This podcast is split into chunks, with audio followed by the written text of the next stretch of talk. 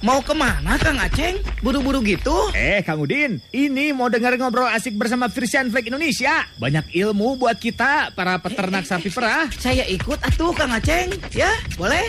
Saatnya ngobrol asik bersama Frisian Flag Indonesia. Persembahan Frisian Flag Indonesia dan Radio Dahlia FM.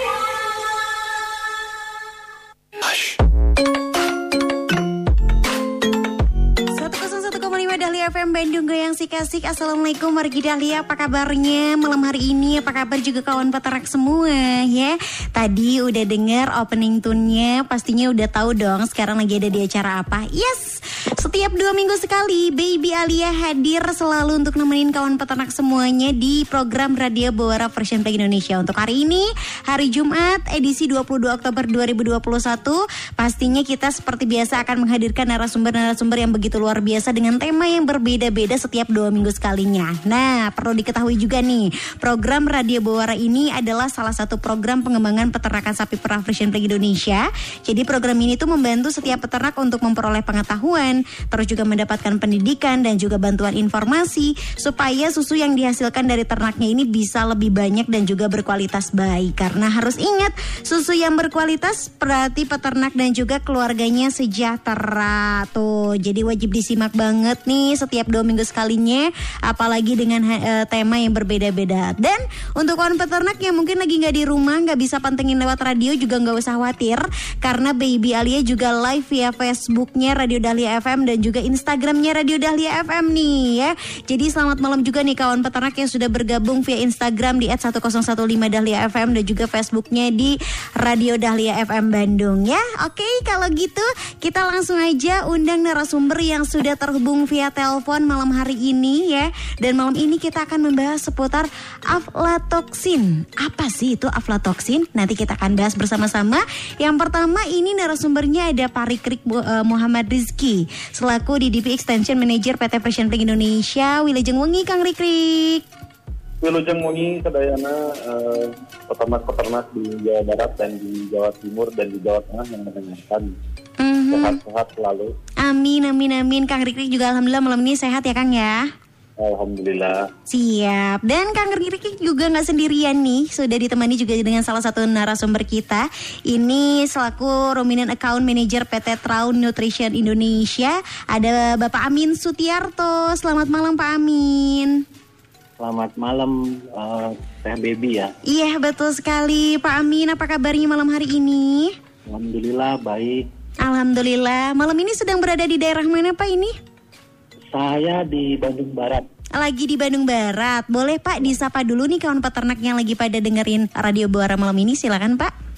Oke baik, saya sampaikan salam untuk para peternak sapi perah di mana saja berada yang sedang menyimak acara ini khususnya di peternak di kawasan Bandung Raya ya, yeah. Pangalengan dan sekitarnya Selain itu juga di sentra sapi perah Kabupaten Garut, Kuningan, juga peternak di Provinsi Jawa Tengah dan Jawa Timur, yeah. bila mana menyimak via streaming ya di Malang, Pasuruan dan sekitarnya. Semoga sehat selalu. Amin amin amin ya robbal alamin ya dan pastinya juga kita mengundang kawan peternak semua yang mau bertanya seputar tema kita malam ini boleh langsung WhatsApp saja di 0811 222 1015 ya. Kang Rikrik pembahasan malam ini agak sedikit berbeda nih ya. Mungkin peternak juga ada beberapa yang mau, baru mengenal istilah aflatoksin atau yang sudah mengenal aflatoksin tapi masih bingung sebetulnya aflatoksin itu apa sih? Nah, kenapa kita penting sekali untuk membahas tema malam ini Kang Rikrik? Ya, jadi secara bahasa sederhananya aflatoksin itu adalah sebuah atau ya sebuah racun ya yang dihasilkan oleh jamur tertentu gitu. Mm-hmm. Cuman persoalannya jamur ini biasanya terdapat dalam eh, makanan atau bahan pangan berupa kacang-kacangan atau biji-bijian.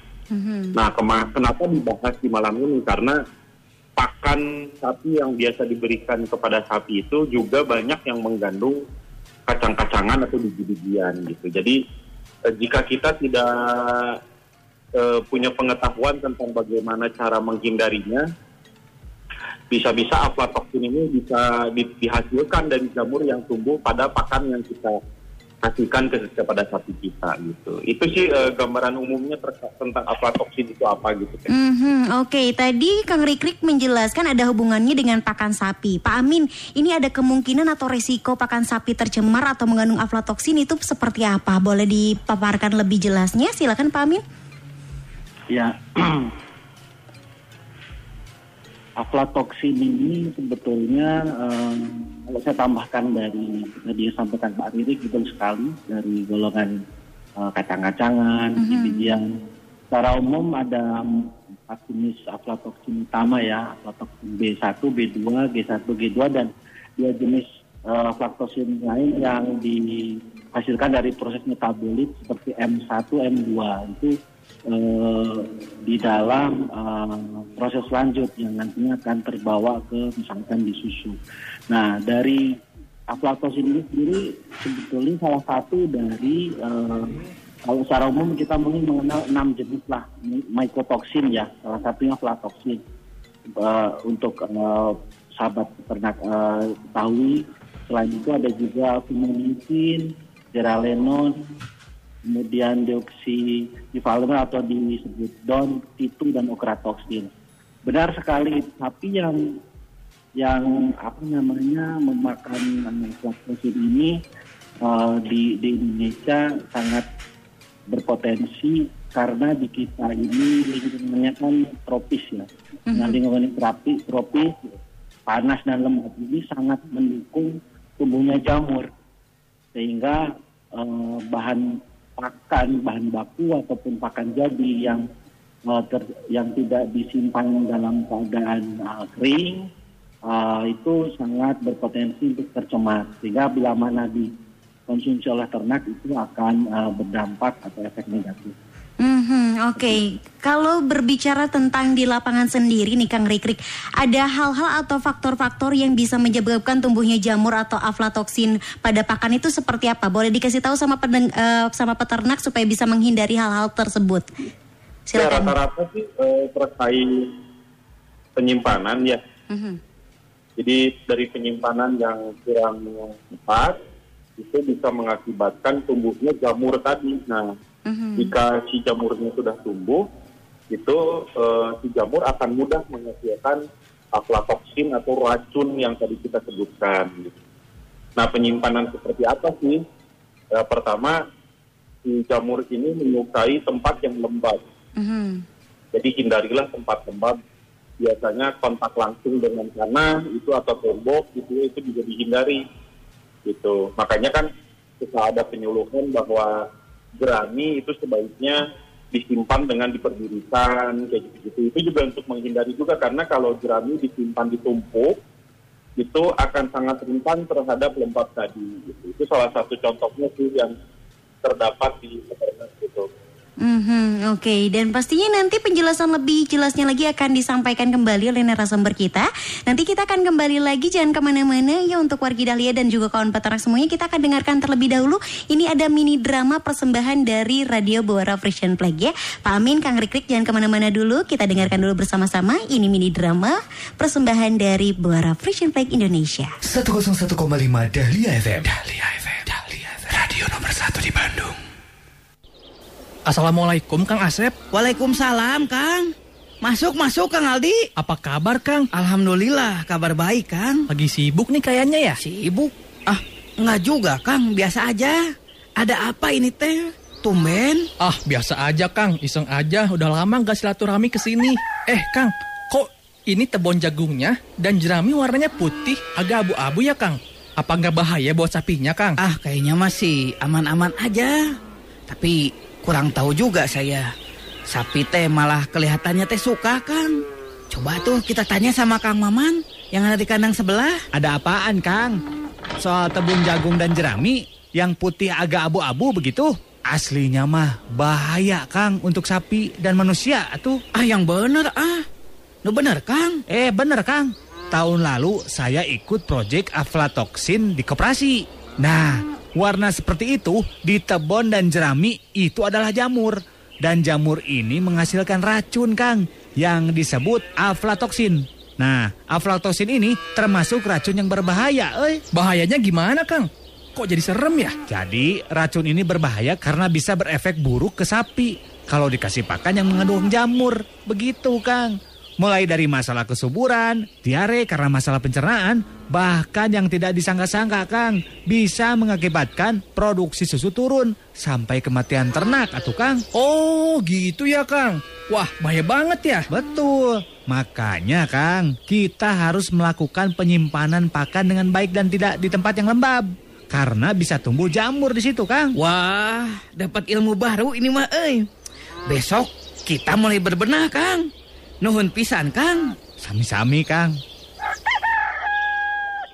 101,5 Dahlia FM. Dahlia FM. Dahlia FM. Radio nomor 1 di Bandung. 101,5 Dahlia FM Bandung Goyang si kasik masih bareng sama Baby Alia di Radio Buara Percian Flag Indonesia-nya ya. Masih barengan sama kawan peternak juga yang ada di Jawa Barat, Jawa Timur, Jawa Tengah ya. Yang pastinya semuanya lagi pada pantengin untuk dapetin informasi yang sangat bermanfaat sekali di Radio Buara Percian Flag Indonesia-nya ya. Dan pastinya kita juga masih membahas nih ya seputar salah satu eh, jamur ataupun eh, racun yang harus diperhatikan dan harus hati-hati sama kawan peternak semuanya itu mengenai aflatoksin. Apa itu aflatoksin? Tadi sudah sempat dibahas sekilas tapi tahu nggak nih kawan peternak semua bahwa berdasarkan banyak peneliti- penelitian pada ternak ruminansia cemaran aflatoksin ini dapat mengakibatkan penurunan berat badan, mengganggu fungsi-fungsi metabolisme, absorpsi lemak, terus juga penyerapan unsur mineral dan juga menyebabkan penurunan kekebalan tubuh, kegagalan program vaksinasi, kerusakan kromosom, pendarahan dan juga memar.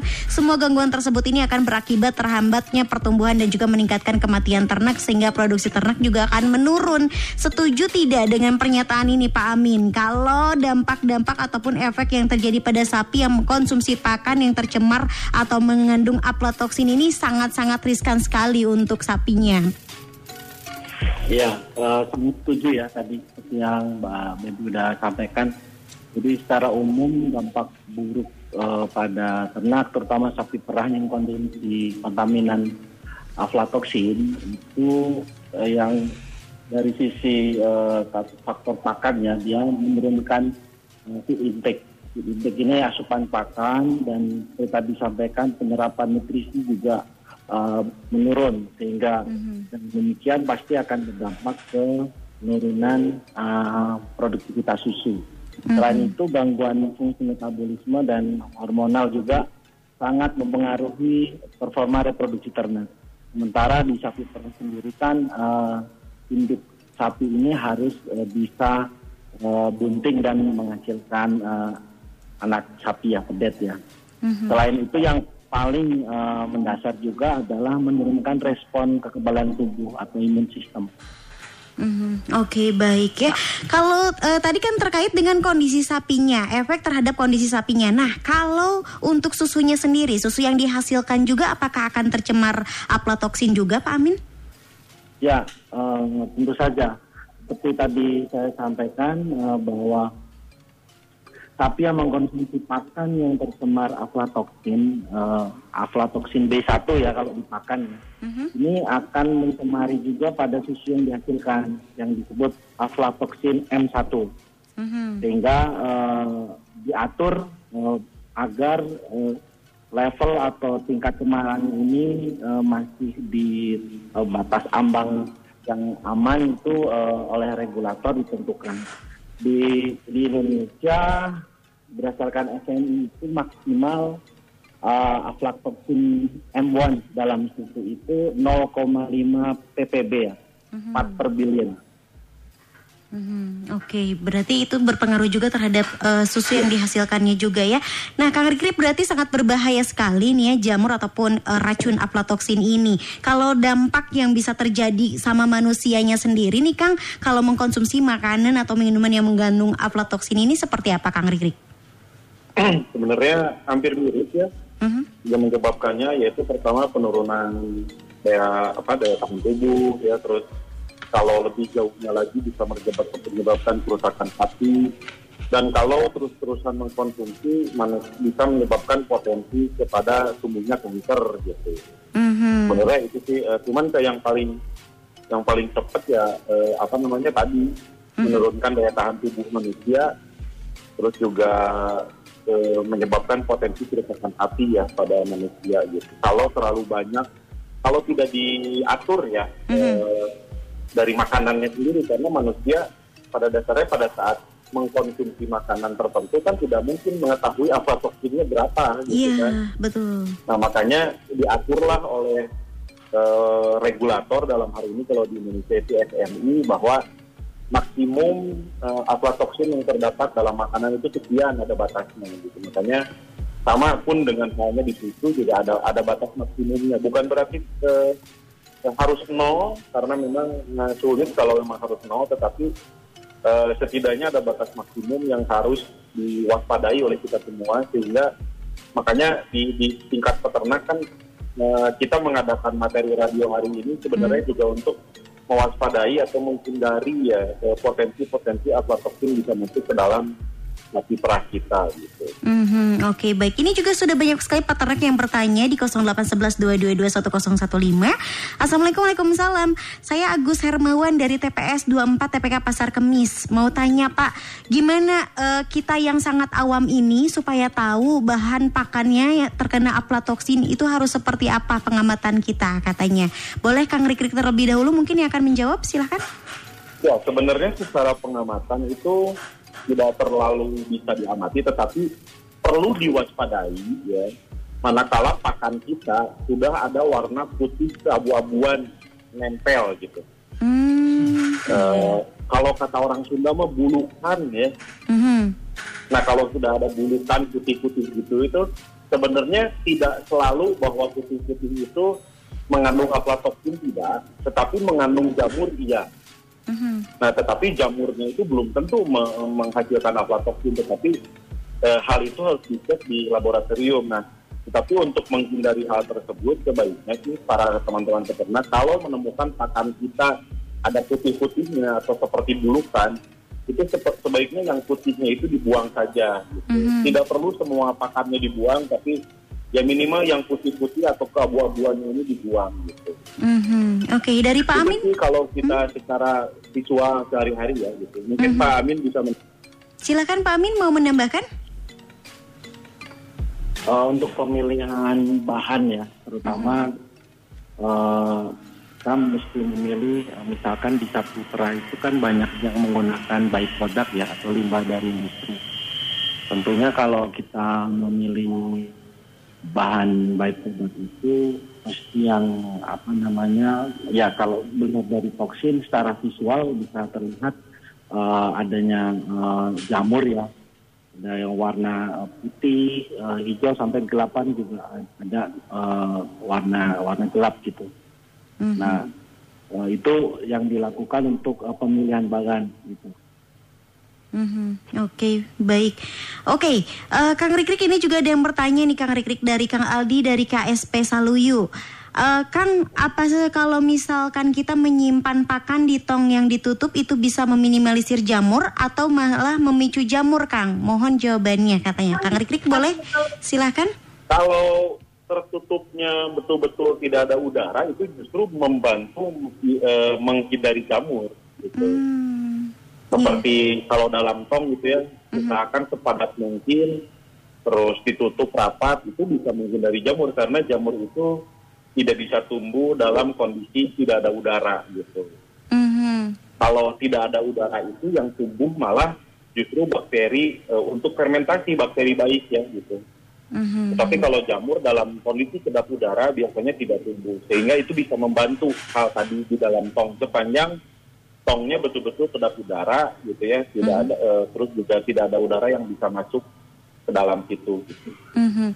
Ada tips mungkin Kang untuk penyimpanan pakan supaya terhindar dari jamur tersebut, Kang?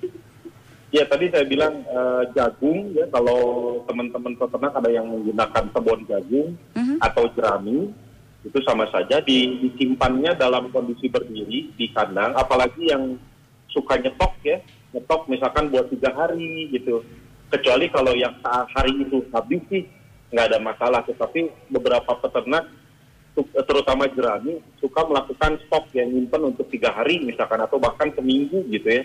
Nah itu usahakan nyimpennya satu hindari eh, kontak langsung dengan tanah gitu ya. Karena tanah itu lembab. Hmm. Terus juga hindari eh, kontak langsung dengan tembok. Biasanya tembok kalau di udara dingin itu selalu lembab juga. Terus kedua diberdirikan kang gitu. Di disimpannya jangan ditumpuk gitu. Biasanya kalau ditumpuk itu juga nanti di sela-sela tumpukan akan tumbuh tuh warna putih-putih keabu-abuan. Nah kalau terlalu lama bisa berubah warna hijau tadi betul kata Pak Ani gitu, di jamur. Mhm. Nah, terus kalau yang menggunakan eh, hasil samping produk lain seperti ampas tahu, terus apa eh, ampas singkong, ongok gitu ya. Ya itu sih itu karena bahan mereka itu adalah basah ya sehingga sangat rentan terhadap tumbuhnya jamur. Saran saya sih jangan menyetok terlalu lama gitu. Hmm. Terutama sih ongok ya, ampas singkong gitu. Itu biasanya disuplai dalam bentuk sarungan dan lebih dari satu minggu dan biasanya sudah tumbuh eh, jamur berwarna hitam biasanya sudah sudah berubah ke hitam. Walaupun memang tadi yang saya sebut tidak otomatis bahwa tumbuh jamur itu ada aflatoksinnya atau ada racunnya, tetapi perlu kita hindari. Misalkan kalau sudah eh, ampas singkongnya atau ampas tahunya terlalu hitam gitu ya, sebaiknya permukaan yang hitamnya dibuang sedikit gitu, Eh, tidak diberikan ke sapi. Karena memang cukup berdampak terhadap kesehatan sapi. Biasanya dampak yang paling cepat terasa adalah sapi mudah sakit dan juga biasanya terhadap kesuburan ya akan berdampak juga gitu. Mhm, Oke baik. Kalau dari Pak Amin ada tambahan nggak mengenai hal-hal yang bisa dilakukan sama peternak untuk mencegah atau mengurangi mengurangi resiko pertumbuhan aflatoksin ini, Pak? Ya, eh, tambahan dari saya eh, selain tadi pemilihan bahan bahan baku, bahan pakan yang baik, eh, yang yang tidak berjamur ya. Kemudian eh, penyimpanan tadi Pak Riri sudah menjelaskan menggunakan alas atau palet tidak eh, nempel di dinding atau tembok. Kemudian selain itu juga perlu dilakukan monitoring secara periodik terhadap eh, potensi adanya aflatoksin dalam bahan pakan tersebut itu perlu kita ketahui sehingga apa yang perlu mesti kita lakukan untuk mengatasinya. Salah satunya adalah eh, dengan kita mengikat toksin itu sendiri karena toksin ini kan sifatnya anti nutrisi yang eh, bersifat merugikan sehingga dengan pemberian eh, food aditif berupa toksin binder itu dapat eh, mengurangi dampak resiko negatif tadi. Mhm. Ada beberapa jenis eh, toksin binder yang eh, beredar di pasar Mhm. itu kalau misalkan uh, fokusnya hanya di aflatoksin, ada juga yang uh, untuk spektrum lebih luas seperti uh, jenis toksin yang lain, fumonisin, piralenon, okra, dan sama titu. Tentunya uh, dalam memilih uh, toksin binder, produk toksi binder, uh, peternak mesti uh, lebih uh, jeli lagi dengan melihat dari jenis uh, material uh, yang digunakan, kemudian uh, cara kerja dari uh, mekanisme pengikatan tersebut, uh, terutama terhadap efektivitas produk uh, bekerja dalam uh, mengikat toksin tersebut. Mhm. Uh, di Pro Nutrition sendiri uh, kami uh, ada dua uh, feed safety solution untuk yang aflatoksin saja. Ada yang fokus di aflatoksin itu Toxo MX, kemudian ada Toxo XL untuk spektrum toksin yang lebih luas. Uh, untuk lebih jelasnya mungkin bisa nanti dicek di website uh, Pro Nutrition. Hmm, Oke baik. Boleh disebutkan websitenya, Pak? Uh, www.pronutrition.com ya. Mhm, Jadi itu ada produk-produk tertentu ya yang bisa dilakukan oleh peternak untuk mencegah tumbuhnya aflatoksin ini ya, Pak ya? Betul, sehingga pada akhirnya eh, dapat menurunkan level toksin tersebut di bawah ambang batas toleransi yang pada akhirnya akan eh, aman eh, digunakan eh, bagi ternak dan juga aman bagi manusia yang mengkonsumsi produk susunya. Mhm, Oke baik, Pak ini juga ada yang bertanya dari Teh Neni dari Baru Negeri Lembang. Apakah aflatoksin ini bisa mempengaruhi kebuntingan pada sapi juga, Pak? Ya betul, Eh, pertanyaan yang bagus. Sangat berpengaruh terhadap kebuntingan karena kan eh, kita bicara untuk toksin ini eh, sebagai anti nutrisi, sementara dari penyerapan eh, mineral eh, dan nutrisi yang lain itu kan dia eh, sangat diperlukan untuk eh, pertumbuhan eh, janin sehingga uh, bila mana ada gangguan dari sisi penyerapan nutrisi tentunya sangat berdampak terhadap uh, per- perkembangan janin uh, atau kebintingan uh, induk sapi itu sendiri. Mhm, Oke baik. Kalau Kang- dari Kang Rikrik ada tambahan mengenai pertanyaan ini Kang? Eh, ya terkait kebuntingan jelas ada pengaruhnya ya karena dia eh, dengan menurunkan daya tahan tubuh sehingga energi yang dihasilkan oleh sapi juga akan menurun dan proses pembuahan juga tidak terjadi kurang lebih lah gitu sederhananya ya gitu. Mhm, Oke. Nah, terkait pencegahan tadi ya sudah saya sampaikan bagaimana pencegahannya di lapangan. Walaupun memang eh, betul kata Pak Amin juga banyak beredar produk-produk yang bisa membantu ya mengikat racunnya supaya tidak supaya di bawah ambang batas gitu. Seperti yang dijelaskan Pak Amin tadi di Pro Nutrition juga punya gitu ya eh, produk serupa gitu. Cuman harus hati-hati aja eh, pastikan produk yang berasal dari eh, perusahaan yang betul-betul lah gitu ya jangan Iya. sampai mahal tetapi eh, murah tetapi juga nggak jelas gitu. kalau misalkan mau membeli tapi ya eh, langkah-langkah sederhana yang tadi di- bisa dilakukan di kandang juga saran saya juga bisa dilakukan juga eh, untuk menghindari hal tersebut. Mhm, Oke baik ya. Ini ada lagi dari Kang Andi dari KPSBU Lembang dari TPK Gunung Putri pengen eh, berpendapat mengenai aflatoksin ya. Katanya banyak persepsi di daerah saya khususnya Gunung Putri ini banyak yang bilang bagus kalau jerami dipeyem atau dipermentasi sampai berjamur katanya. Dikarenakan dimakan oleh sapi tersebut. Mungkin dikarenakan kurangnya pengetahuan tentang hal tersebut. Bahkan saya juga pernah coba cara yang disimpan dipeyem sampai berjamur sebelum mengetahui hal tersebut adalah hal yang tidak baik. Makasih banyak untuk penjelasannya mengenai apa toksin Bapak-bapak katanya Kak. Dan yang mau saya tanyakan, apakah sapi harus diberi pakan yang memang keseluruhannya harus dalam keadaan kering? Itu baik jerami, rumput hijauan maupun konsentrat biar terhindar dari jamur tersebut. Kang Rikrik tanggapannya seperti apa silakan? Ya, saya mau sedikit meluruskan aja. Mhm. Dipeyem atau difermentasi itu berbeda dengan dijamurkan ya. Kalau di dipeyem atau difermentasi itu be- si jerami itu berada dalam kondisi tidak ada tidak ada udara atau kedap kan gitu. Oke. Itu justru malah bagus seperti halnya di, membuat silase ya. Silase, ya. Ya, gitu. Itu malah bagus nanti hasil jeraminya juga lebih lembek, tidak terlalu keras, eh, dan harum seperti puyem gitu ya. Mhm. Nah, tapi kalau dan itu tidak akan menghasilkan jamur sepanjang proses eh, fermentasi tersebut betul-betul kedap udara gitu. Mhm. Nah, yang saya sering amati di lapangan sebetulnya bukan di puyem kalau di lapangan itu, tetapi jerami justru dibiarkan supaya lem, supaya layu gitu ya, dibiarkan begitu saja dengan ditumpuk dan memang setelah layu katanya sapi lebih suka. Sebetulnya lebih suka itu dikarenakan tidak terlalu keras saja gitu. Hmm. Tapi memang kalau ada jamurnya, ada putih-putih atau bahkan sudah berwarna hijau, itu rentan terhadap eh, aflatoksin tadi kan gitu. Hmm. Jadi berbeda antara di di puyem atau di fermentasi dengan dilayukan begitu saja di lapangan gitu ya atau di- ditumpuk lah gitu. Hmm, Memang saya oke. sering mendengar dari peternak itu kan dan sapi teh lebih suka layu Ya, ya, jeraminya iya. atau bahkan sampai putih-putih. Mhm. Sebenarnya bukan putih-putihnya yang disukai sapi, melainkan sapi itu suka karena eh, jeraminya lebih lebih layu. Teh kan kalau jerami itu agak agak keras ya gitu ya. Mhm. Nah dengan dilayukan itu si sapi biasanya lebih lebih suka gitu karena tidak sulit mengunyah gitu.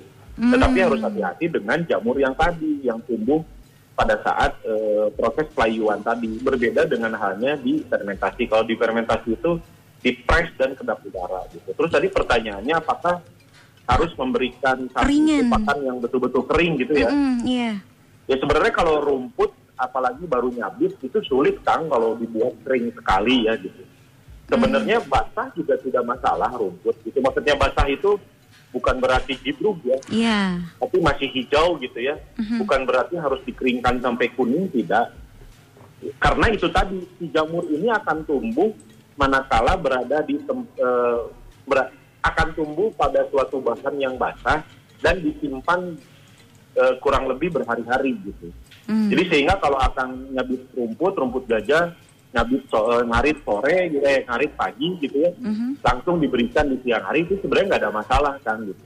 Hmm, gitu. Jadi basah juga kecuali mau disimpan yang tadi saya bilang. Mhm. Eh, disimpan juga harus hati-hati dengan berdiri dan eh, biasanya yang tadi saya bilang jamur ini akan tumbuh pada bahan-bahan yang ada ada unsur jagung, ada unsur biji-bijian dan kacang-kacangan biasanya. Hmm. Jadi kalau kayak rumput gajah itu biasanya nggak terjadi tuh Ya. Eh, kecuali memang ditumpuk sekali ya, ditumpuk sampai berminggu-minggu itu akan tumbuh juga. Cuman kalau misalkan pada kebun jagung atau jerami kan itu mengandung biji padi ya, itu lebih cepat tumbuh mereka eh, si jamurnya dibandingkan dengan eh, bahan pakan yang tidak mengandung kacang-kacangan atau biji-bijian gitu. Hmm, oke baik. Jadi bedakan antara pembuatan silase atau difermentasi sama yang memang dibiarkan begitu aja dan akhirnya berjamur gitu ya Kang ya? Ya, di peyem itu sama dengan fermentasi. Mhm. Tapi beda yang sering saya amati di lapangan itu rata-rata ditumpuk begitu saja agar layu. Gitu. Oke oke oke siap siap. Nah eh, Kang ini juga ada yang bertanya katanya di peternakan ini sekarang lagi tren banget menggunakan eh, BS ataupun kue-kue sisa ya bolu-bolu sisa yang kondisinya sudah bulukan 40 sampai 50 persen katanya bahkan lebih parah kondisi aflatoksinnya sepertinya. Nah kira-kira bila diberikan terus menerus akan seperti apa nih Kang? Apakah akan terinfeksi aflatoksin juga atau seperti apa Kang? Kang Rikrik Nah silakan. ini juga sering saya kalau ke lapangan, memang sekarang lagi tren nih terutama ampas roti gitu ya. Mhm. Dan memang dampaknya lumayan bagus buat sapi karena tingkat energinya tinggi karena dia mengandung eh, kalau nggak gandum berarti kan eh, terigu gitu ya. Untuk energi untuk sapinya memang bagus gitu. Cuman saya juga sering ngomong di lapangan di peternak bahwa hati-hati menggunakan ampas roti atau kue-kuehan ini sebisa mungkin hindari eh, jamur-jamurnya ini yang putih atau bahkan sudah abu-abu dan hijau ya kalau bisa dibuang sedikit terus baru diberikan. Kalau memang sudah setengah dari dari misalkan beli sekilo setengah kilonya sudah berjamur ya saya sih melarang sih tidak bisa ya karena saya juga bukan pemilik sapinya gitu. Iya iya. Tetapi kalau minta saran ya sebaiknya dihindari pakan seperti itu gitu. Mhm. Tapi yang sering saya temui sih kayak ampas roti atau ampas kue itu biasanya tidak lebih dari lima persen lah yang berjamur itu bisa dibuang sedikit-sedikit lah gitu.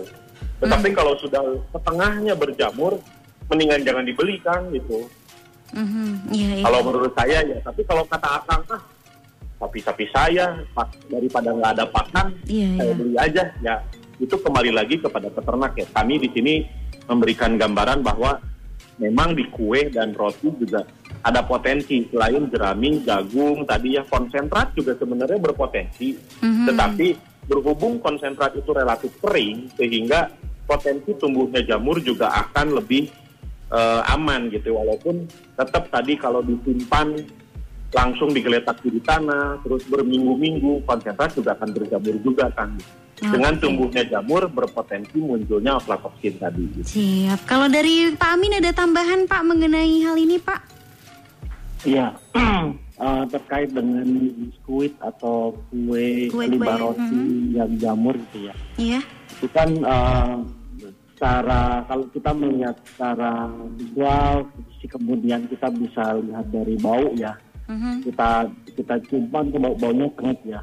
Jadi salah satu ciri bahwa di sana eh, tumbuhnya jamur ini memberikan eh, dampak negatif itu dari eh, bau salah satunya. Jadi misalkan kayak bumitil, kemudian eh, apa namanya yang limbah roti ini baunya kan eh, kalau udah udah lama kan pasti bau bau tengik. Itu Iya. sangat tidak disukai oleh sapi ya, jadi mempengaruhi palatabilitas. Sehingga eh, menambahkan dari yang Pak Listrik tadi sampaikan pada akhirnya kan peternak mesti bijaksana dalam spending eh, apa belanja mengeluarkan uang untuk beli pakan. Apakah eh, sejumlah uang yang dikeluarkan itu pada akhirnya memberikan eh, nutrisi seperti yang diharapkan atau justru malah sebaliknya? Karena dengan adanya toksin ini kan eh, justru anti nutrisi Iya. Nah ini eh, kembali ke peternak untuk eh, lebih bijaksana lagi dalam memilih eh, bahan bakarnya. Mhm, ya, berikan pakan terbaik supaya nanti hasilnya juga baik gitu ya Pak ya. Oke, satu pertanyaan terakhir nih Kang Rikrik dari kawan peternak ya yang Baby Alia bacakan berhubungan sama silase tadi katanya Kang pengen tanya kalau silase yang bocor apakah akan eh, berpotensi mengandung aflatoksin juga Kang Rikrik? Nah, silase bocor itu eh, dapat dipastikan tumbuh jamur. Mhm. gitu. Karena biasanya kalau yang di bagian yang bocornya itu pasti ada putih-putih tumbuh jamur, terutama kalau silase yang disimpan eh, cukup lama gitu ya. Ya. Nah pertanyaannya apakah ada aflatoksin? Kemungkinan iya, kemungkinan juga tidak gitu. Tetapi kan kita tidak bisa eh, menganalisa itu kecuali di lab gitu. Ya. Jadi sehingga kalau eh, akang teteh atau mbak mas bikin silase terus ada sedikit kebocoran dan di bagian bocornya itu eh, tumbuh jamur, sebaiknya yang jamurnya itu dibuang saja gitu. Itu kan nggak banyak tuh. gitu. Mhm, Oke baik ya. Kita nanti akan kembali lagi Wargi Dahlia dan juga kawan peternak semua. Sesaat lagi juga akan ada kuis persembahan dari Fresh and Play Indonesia. Jangan ke mana-mana Masih bareng sama Baby Alia Masih membahas seputar aflatoksin ya. Nanti juga siap-siap kita akan umumkan Satu pemenang dari peternak Yang sudah mengirimkan pertanyaan terbaiknya. Tetap pantengin di 101,5 Dahlia FM Perung ah go goyang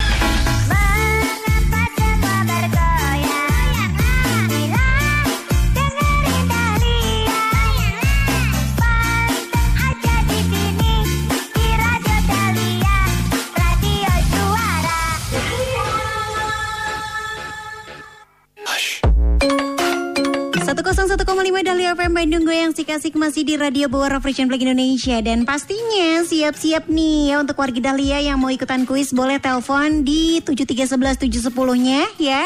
Jangan lupa passwordnya. Kalau Baby Alia bilang Radio Bawara Fresh and Play jawabnya asik atuh prung ah gugu gugu yang sudah ada penelponnya. Oke masih boleh ya untuk warga Dahlia yang belum pernah menang ya sama sekali.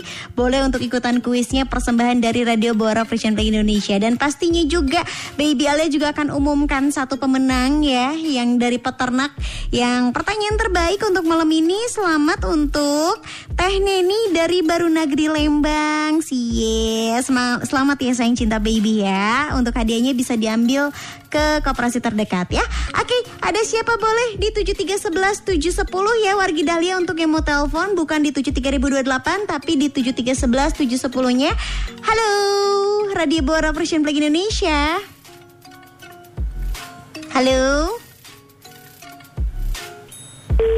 Eh, kamu teh malah dimatiin ya. Masih boleh ya di 73000 eh sorry di 7311 710-nya yang mau ikutan kuis persembahan dari uh, Precision Play Indonesia ya dan pastinya juga kita sem- malam ini di Radio Bora masih membahas sesuatu yang penting sekali mengenai aflatoksin ya. Dan Kang Rikrik juga masih terhubung dengan kita ya. Kang Rikrik Ya, Iya, Kang Rikrik boleh sampai sambil disampaikan terlebih dahulu nih ya untuk info-info tambahan yang mau disampaikan mengenai aflatoksin yang saat ini harus eh, mulai diwaspadai oleh kawan peternak semuanya. Silahkan Kang Rikrik.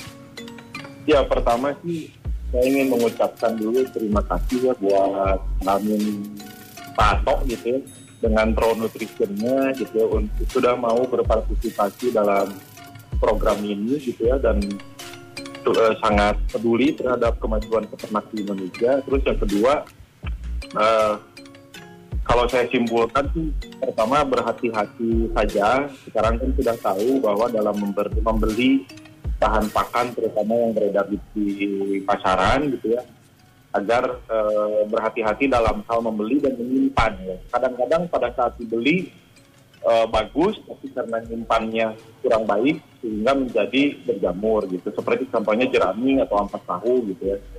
Eh, kalau membeli dalam keadaan berjamur ya kalau hanya sedikit mungkin bisa dibuang tetapi kalau sudah terlalu banyak mungkin bisa dibicarakan juga dengan suppliernya ya bagaimana baiknya gitu ya karena kalau terlalu banyak juga nggak baik gitu. Nah eh, dengan beberapa eh, juga jangan lupa tips-tips tadi ya soal penyimpanan. Jadi kalau memungkinkan dialasin ya pakai palet biasanya pakai kayu gitu ya.